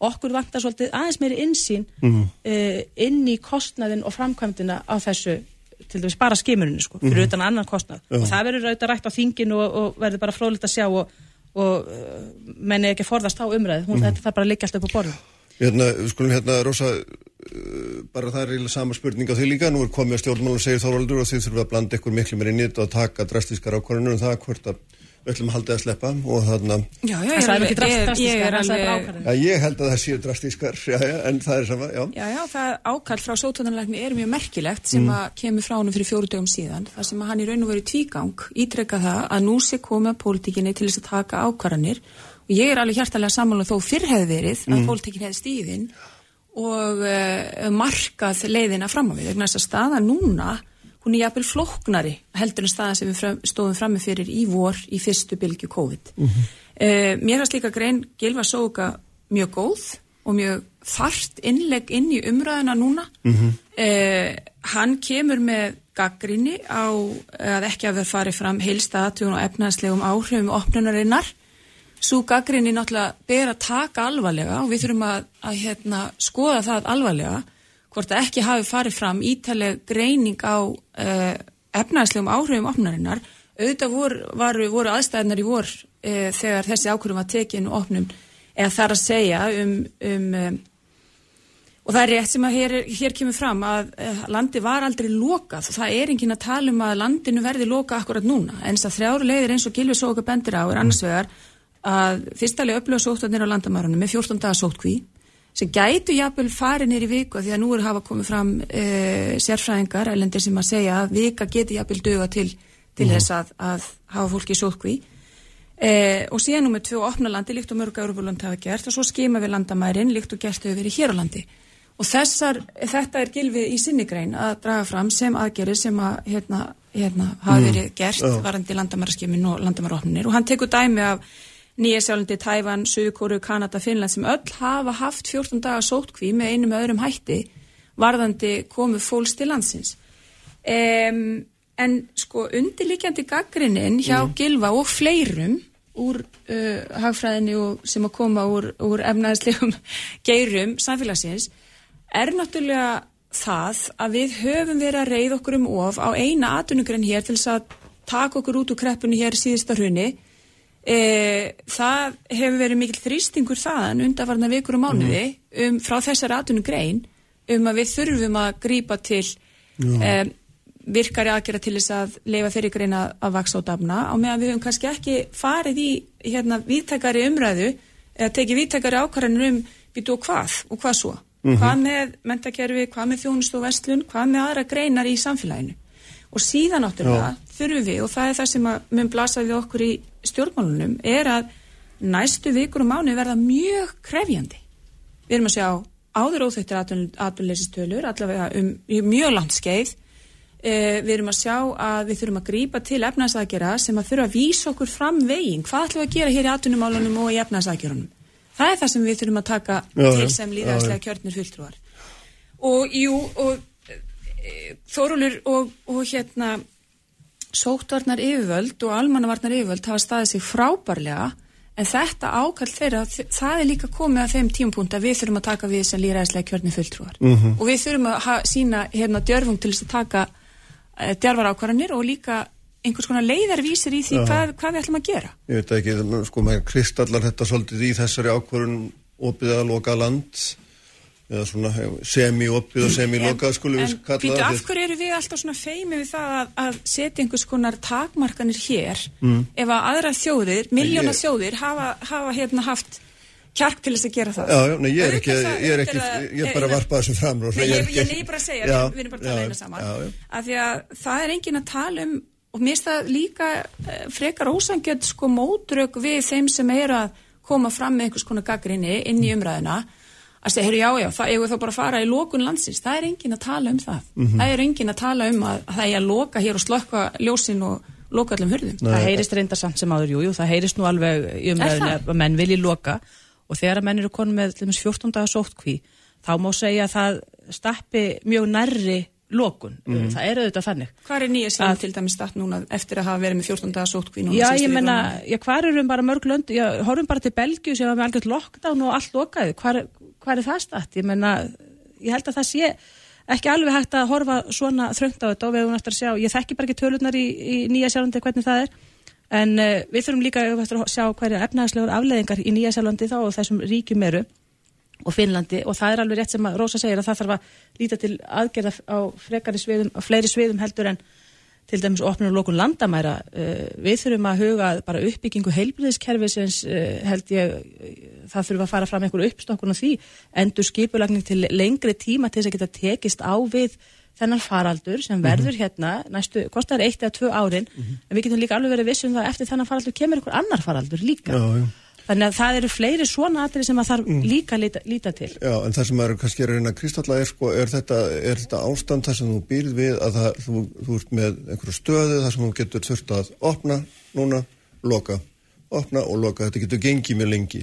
Og, og þá er þetta spurningin um, hversu stíft maður vill og hversu langt maður vill ganga þessu að hérna, eigum við bara að vera eins og harmonika eða eigum við einhvern veginn að sigli gegnum þetta með mjög svona Eða eigum við bara aftur hætti? með tilmæli og velta fyrir já, okkur og, og, já, og, og, hérna ég hallast nú frekar á því til dæmis að menn uh, hérna, uh, leggist frekar á áratnar með góðri upplýsingagjöf um það sem að nýjast er í þessum fræðum og það er nú bara komið í ljósa að, að meðferðir eru að breytast og, og batna til muna, ráðleikingar um uh, sóttvarnir, þær hafa tekið stórkostlegum breytingum frá því upphafið þessa faraldurs. Mhm. Og við höfum að koma þessu miðla þessu framfæri, byðla til fólks að, að fylgja þessum tilmælum í stað þess að eigða orku í því að fara að loka, þetta samkomi bann til dæmis, benda mönnum á að hætt, mest að hættan á þessum stórsmitum, þessu hópsmitum sem eru hættulegust. Eru þetta á svona fjölförnum stöðum, það sem verið er að syngja og dansa og allt svo leiðis uh, og uh, þannig að það þarf að koma þessum leiðbenningum Já, en það miklu er meira á þetta framfæri. búið að koma við framfæri en fólk bara fylgir þeim ekki Já, eftir. þá, þá, er það líka, þá er það líka spurningin, ef, að- eins Þórólfur er bent á, Já. ef það er þannig að menn ætla hvort þeir ekki að láta loka sig inni, Já. þá þýðir þetta ekki að setja lögum nei, það, vegna þess að nei. ég vil benda líka á Já, byrju- lögfræðin í þessu. Já, já, já, já. Og mannréttindavingilinn. Já, það er þetta, hann er þetta mjög mikilvæg. En er þið báðar ekki raunverulega að, að taka undir með Þórólfi að það sem þarf er að að bæta við vittum í matið á hvað eru skynsænlegar aðgerðir og hvað eru Jú. óskynsænlegar aðgerðir og, og ég held að, að þetta sé ákaflega skynsamlegt hjá honum um, nú hefur þetta verið þannig að, að eins og hér hefur komið fram að, að þetta hafi verið sérfræðingar í heilbriðismálum sem hafa stýrt því hvernig þetta hefur verið gert hér á landi.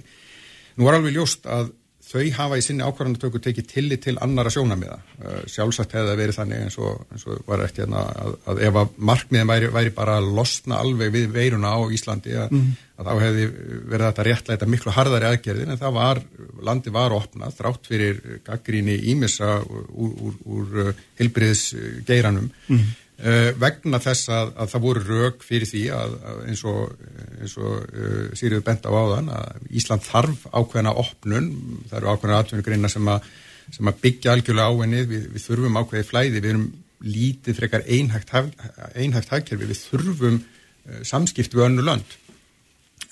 Það sem ég held að þurfa að gerast núna er að það þarf að meta tölurnar í þessu. Endanum er það þannig við getum uh, rifist endalaust um það hvort að Íslands er líkar að Nýja Sjálandi eða Belgíu eða Bandaríkjunum eða Mm. það skiptir engum máli af því að núna eftir þessa, uh, þessa fyrstu bylgju og opnunina í kjölfærið þá eigum við sjálfur sér tölur um það. Hvað er þetta skilað á Íslandi? Og ég fagna því mjög eins og, eins og uh, hérna Sýriður nefndi á þann að svona einhverju mati á uh, kostnaði í kringum þetta en hann er auðvitað miklu víðtækari heldur en bara prófun á kostnaðinni sjálfur. Um, það, það er, það, það kostar atvinnugreinarnar uh, að, að því greipi til aðgerða, það alltaf blasi við afleðingarna fyrir ferðarþjónustuna, fyrir alla, alla hérna uh, skemmtana, allt skemmtana lífið, Mm. alla menningaþjónustu, allt það, en líka fyrir allar aðra stofnarnir. Nú uh, var ég stjórnandi í Háskóla Íslands í, í, í fyrra stýrið þar félagsvísindarsviðinu. Það að þurfa að takast á við takmarkanirnar kostaði okkur heilmikið. Uh, uh, þannig að, að það sem við þurfum að gera núna og, og, og, og ég held að, að, að sé raunverulega eitthvað sem stjórnmálinn þurfa að takast á við en þá með faglegri aðstóð er að meta kostnað og ábata ólíkra leiða og velja það sem er skinsanlegast fyrir Ísland. Já, þannig að við gætum að að þurfa að fara í ölsingar en að skilja þessa hugsun eftir bara hérna þannig að við gætum kostað þeirri niðurstöðu að væri ábatasamar á ofna landi og hleypa verinu inn ef, ef við farum bara að reikna þetta út ábatasamar fyrir hvern? Er það ábatasamar fyrir veit það. heilbíðskerfi? Er það ábatasamar fyrir mentakerfi? Við erum ekki að bara að hugsa um sko peninga og- í heild Já, og, inn í þessu verður að vera sko, Samfélagsins sem heild, já. já, uh, hérna, það- það verður að vera þarna inni neikvæða afleðingarnar fyrir til dæmis langtíma heilsu þeirra sem smitast mm. það eru döðsföll þarna hvernig, veist, það er verulega mannlega þjáningar sem að, sem að Þú ert fylgja strax því búin að draga upp svo flókna mynd að ég botna ekki í því hvernig þú ætla svo eiginlega að komast að þeirri niðurstöða eitthvað eitt sé sko. betur en annað sko, ég veit ekki, ég er að hætti gera, Alræði gera tölfræðinnar kalla ég þetta, alræði með, tölfræðinnar. með, einhverjum hætti gera þessir uh, ágætu sérfræðingur okkar í faraldsfræði hérna, nálgast þeir þetta vandamál. Og ég held að, að það sem Þórólfur er að kalla eftir eru fleiri vittir í því Já, mati. já, já. Uh, auðvitað eru þær flóknar, alveg eins og þeirra vittir eru flóknar, þýði það að við getum ekki varpa einhverju ljósa þær, að sjálfsögðu ekki. Mm Erum við skulum gera östulli og fá hérna ölsingar höldum svona áfram eftir smástund. Kraftmikil umræða alla sunnudaga. Sprengisandur á bylgjunni. Sprengisandur. Á bylgjunni.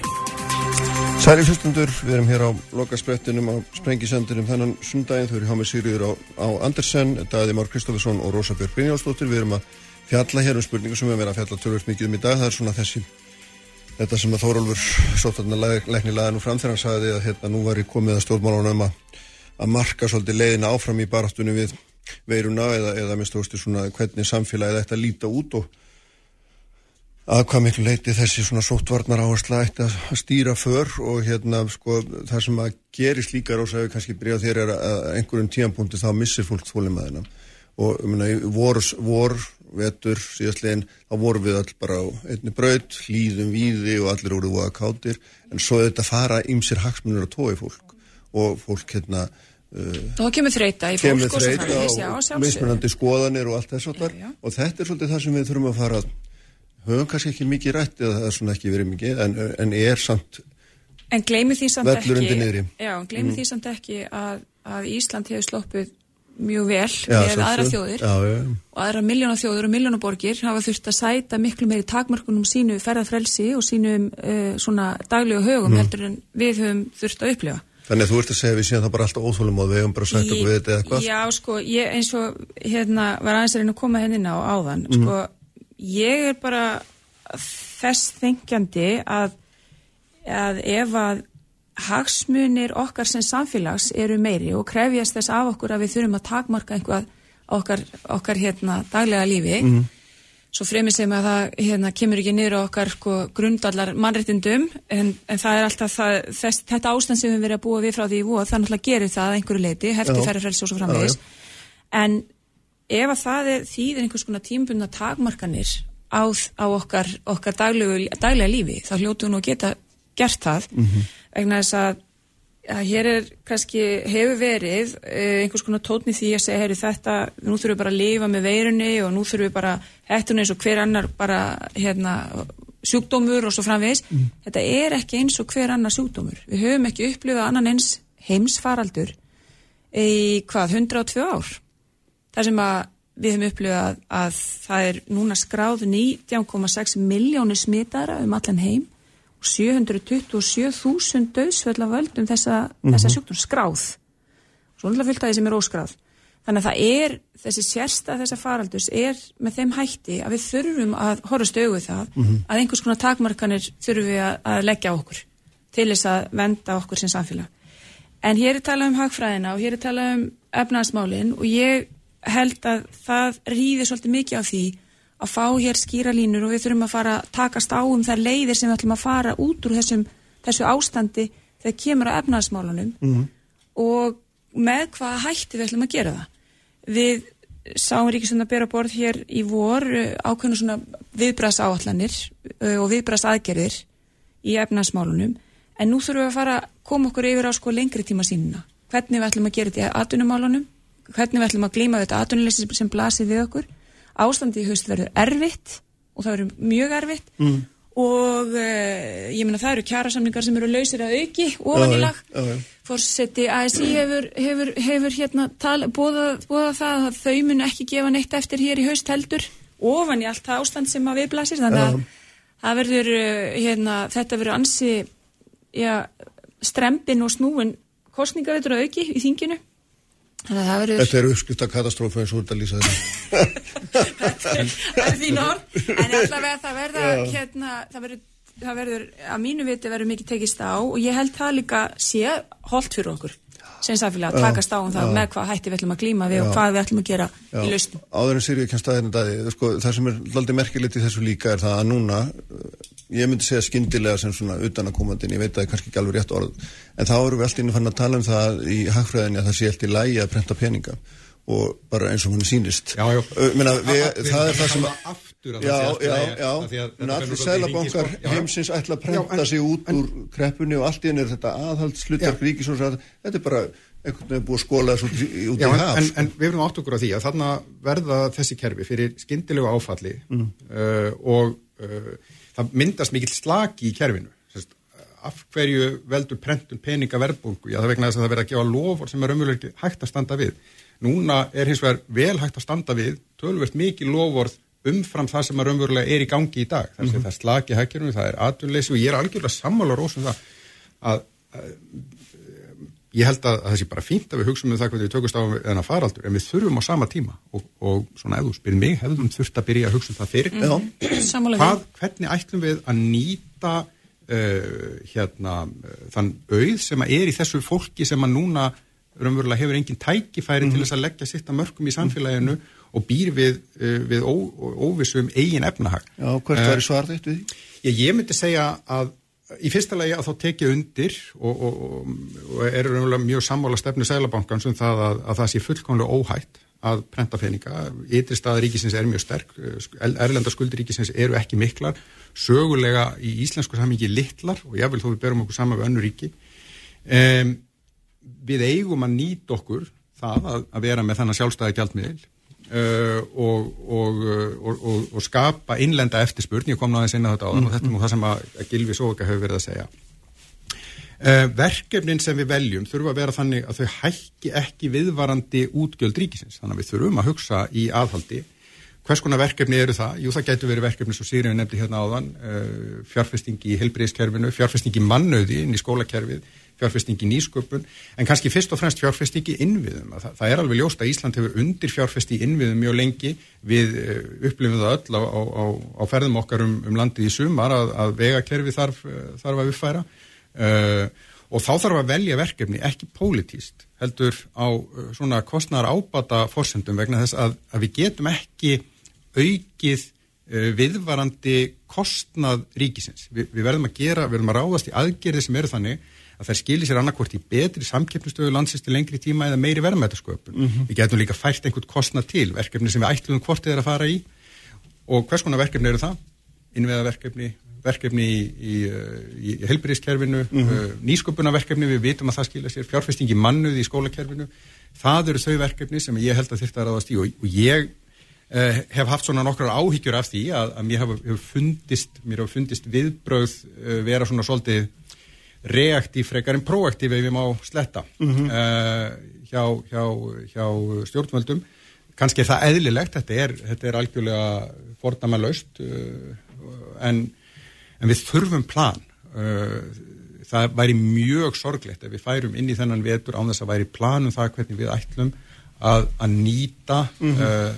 það, það, þetta, þennan mannauð sem að núna nýtist ekki vegna þess að hann hefur mist vinnuna í það að skapa tækifæri fyrir Ísland Sirjur, hérna, já, þetta er eins og Mike Það er Tyson líka það sagði sem sko. önnur Európaríki Já, hafa líka verið að já. gera. Þau hafa verið að sína fram og koma fram með plan, efnaðislega plan. já, já. Og það er eitthvað sem við getum líka hort til. Akkurat, Sirjur Jú, jú, það er nú svona, svona svona sko, samstæðan í Evrópu í þessum efnum öllum saman, en við langar bara aðeins fyrst sko, af því að hún er að nefna dánartölur, hún, hérna Rósa og þetta uh, alveg rétt, þetta eru okkur ofnbærtölur, núna fer fram mjög áhugaverð, bara þessa vikuna hefur farið fram mjög áhugaverð umræða í Breitlandi um einmitt tölurnar og tölfræðina bak, baki þetta. Og hérna áns ég vilja leggja allt miklu áherslu á al, alræði tölfræðinar sko, að þá hef ég einmitt verið að benda á það að menn þurfa að skoða allt í ákveðinu samhengi. En breytar hafa verið að leiðrétta sína tölur þegar eru uppgötu gríðalt misræma millir talna dánartölur frá Skotlandi og Breitlandi og Englandi að þá hafa það er verið leiðréttar mjög í Englandi og menn að ræða þetta hvernig menn er að skrá þetta. Og ég bara nefni þetta vegna þess að ég hefur svona verið að leggja áslá það í sumar að, að, að menn forðist að fara vera með svona uh, talað út svona frá, neikvæð og hræðslu áráðri og allt, mm. svona vegna þess að tölurna náttúrulega sína að það er ekki tilefni beint til þess. Uh, þótt þetta sé þetta hræðilegu faraldur og hann er að íþingja okkur mjög mikið þá er þetta engin svarti döði og eins og uh, mér fannst mjög mikilvægt að kára að nefna hér í morgun hjá þér að þetta hefur auðvitað líka breytt svolítið hugsunagangi í vísindaheiminum og, og hennu ofnbæra kerfi eins og mm. FTA í bandaríkjunum sem að gefur leiði fyrir ný liv er farið að slaka nú aðeins á reglum og opna fyrir mm -hmm. nýjar hugmyndir þannig að það skapast auðvitað ný tækifæri og það er heilmikið að gerast og ég held að menn þurfa ekki að ágjöra því að það kom ekki ég er ekki að tala um bólefni það fyrir tvennum söguna því hvort það saumunum komið ekki. En minnst það veist alls konar liv við meðferðum mm -hmm. þannig ég vil að menn ha, ha, haldi sig við það. Gæða okkur hérna hugmyndum planið fyrir veturinn bara örstuðt Já, planið fyrir veturinn er, er þetta, það sem maður auðvitað óttast það sem maður óttast auðvitað þetta sem kemur inn í stjórnmálinn Já. Þegar að menn fara að tala um þessa hagrænu útreikninga og Excel-skjölinn að staða og, og uh, svo vilja þeir sem að vilja aðhylla samfélagsverkfræði hérna, hinn með með borði hérna, á, á vinstri fæðing stjórnmáluna fara að að, uh, og tala um bara tímabundið ástand sko, það sé þetta tímabundið að þess að hefta frelsið manna og ég bendi nú alltaf á að frelsið manna tapast ekki allt í einu, það tapast þeim í smá saman og tíminni tegjan eitt hugtak. Uh, þannig að við þurfum að að ég óttast það að menn fari að eigða svo miklum tíma í þetta að fara að reikna út og reyna að færa rauk fyrir sinni einni skoðun sko með einhverjum tilteknum útreikningum og ég held að það geti allir gert það. Það geti allir reiknað út sig á okkur að niðurstuð eina sem menn geti ekki reiknað sig út uh, á að uh, það er að reikna út réttindi stjórnarskrávarin mannréttindi manna það er ekkert að reikna þau út og uh, að ætla að fara að setja hömlur á fólk uh, loka það inni eins og menn hafa verið að gera í öðrum löndum mm -hmm. í Európu það uh, að mínum að þið stappar ekki bara nærði Sýru þess að það er skilda og ábyrð stjórnvalda að verja heilsu almennis í landinu? ég veit það. Og það er ekki hægt að segja það að það sé það, hérna, er, skild, það er líka skilda stjórnvalda. Það er ekki hægt að horfa fram með fyrir skilda ábyrð að standa vörð um réttindi manna. Já. og menn verða Já, að hafa það svolítið í, sínum höndum líka þegar að menn hafa. En menn hafa burði til að taka. en ef við verðum ef við komast saman er því niðurstöðu við verðum að skerða réttindi manna til þess að venda heilsuna. Já, þá þarf að gera það hins vegar afskaplega varlega. Og, og finnst þér að það verið óvarlegt, þér finnst það óvarlegt eða hvað? Nei, mér hefur ekki fundist að óvarlegt hinga til, nei. en mér finnst eins og að menn þurfið aðeins að huga, það, huga því hvort það til dæmis þegar við horfum á reynslunni kringum mm -hmm. okkur, það sem hefur verið, það sem kallað er lockdown, 100% lockdown, og menn hafa samt sem áður komið miklu verð út úr, uh, út úr þessum faraldri heldur um lönd sem hafa ekki verið með slíkt lockdown þá held ég að menn hljóti að þurfa aðeins að velta því að mitt fyrir. Það er einslan síni að þau lönd sem hafi Já, já, byttu við sem ekki að línu, já. Hver er, já, er ekki ég, má ég bara fá að klára það, já, bara varðandi það, að hérna haggjur að því að menn, og mér finnst allt og mikið eins og ég sagði aðan, menn vera einblýna á ferðarþjónustuna og stilla henni upp sem einhverjum anstæðingi allra okkar hinna hérna í landinu, sem það er ekki. Ég þekki ekkert land, ég þekki ekkert land í heiminum sem er með höft uh, og hérna fellir niður hvað sem er tímabundið eða til lengri tíma réttindi einstaklinga uh, en er með uh, hagkerfið í blúsandi blóma og hérna og fá aðunlösa. Það er ekki til það land sko. Mm -hmm.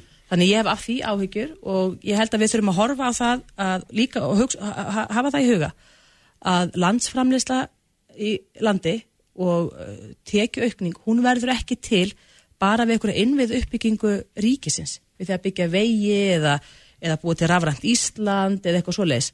Það, það er gott og vel, en landsframleyslan, hún eikst ekki við það. Við þurfum að gera, um við þurfum að gera atvinnulífinu og einstaklingunum kleift mm -hmm. að uh, standa fyrir verðmætasköpuninni okay. og Já. drífa þróunina áfram. Uh, drífa þróunina áfram. Hér, hér Jú, með því að, með því að loka við, landinu. Já, ok, en við opniðum landið. Hvaða áhrif hafði það á ferðarþjónustuna uh, sérst, hversu margi ferðarmenn komu? Mm -hmm. sambúri við það sem voru hér í fyrra. Uh, sko, ég, það er nefnilega niðurstaðan að, að fyrst og fremst voru við sjálf hérna að ferðarþjónustuna landið, sko, þetta voru sára fáir aðrir Um, hver er frekar hvað tekjur koma af þeim? þeim? Mjög ánægð með það að, að, að, að hér séu haldið á lofti sjónamiðum um, um einstaklingsfrelsi og, og, og, og hérna, ég gæti ekki verið meira sammála því. Um, sko þetta eru tvö plön, þetta er annars vegar planið um það hvernig við tökumst á við þessa krísu, sem sagt heilbyrðiskrísuna, hitt planið, planið um það hvernig við tökumst á við samdrátt í hagkerfinu. Uh, við erum búin að prófa að opna.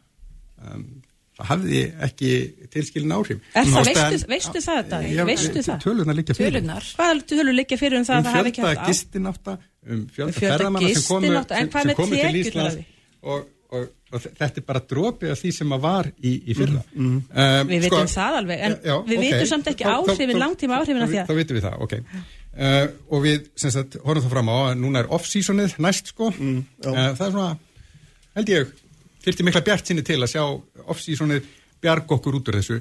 Þannig að, sko, við erum að, að tala um það hvernig ætlum við að nýta uh, þen, þennan mannuð sem að, sem að núna nýtist ekki og, og þetta er ekki eitthvað sem þetta fólk vill auðvitað fá að leggja sitt að mörgum enginn vill vera atvinnulegs sem að sérst, hefur áhuga á því að, að vinna.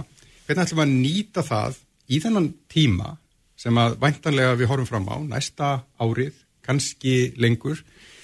Eh, Þannig að Ísland komi út úr þessu uh, eins lítið skadað, það er bara útilokkað að við förum í gegnum þetta án þess að verði nokkuð skadi, en eins lítið skadað eins og við, við mögulega getum. Og, og þá held ég það að blanda þessu tvennu svona saman sko sé óheppilegt, ég held um að ræða þetta sitt í hverju lægi og En Hvað viltu gera? Mér finnst mjög áhugavert- það sem að Sigur er að koma inn já, hér þegar það spurt er um plan við þessu, þessu ástandi sem að ríkir og mun blasa við okkur hér næstu vikum, mánuðum og jafnvel lengur að þá komi hér frá, frá Sigriði að það verða byggjast á einstaklingsframtækinu ég með það eru keinis kakfræði sem að sína fram á það að, að ríkist útgjöld við svona aðstæður er það sem skiptir máli það að hefur ofinbera fari og drífi áfram e, hérna, fjárfestingar í efnaðskerfinu við, svona ákva- a, við svona aðstæður og ég segi það er ekki hægt að horfa fram hjá því. Og það er ekki hægt að býða eftir því að, að segja bara, heyrðu, einstaklingsframtæki á nú að taka við. Já. eða aðhald í fjármál þá erum við bara að segja það skýrum fetum hér á hægri vang stjórnmálana að aðhaldi er það sem að mun blasa við. Og ég veit ekki betur heldur en að, að varaforma fjárlaganemdar hafi einmitt talað með þeim hætti og heldur gerðu, betur gerðu það með ólökulegum hætti þegar hann fór að tala um aðhald í heilbyrðiskerfinu en, en sko ég er var að taka fram sem við erum að fara inn í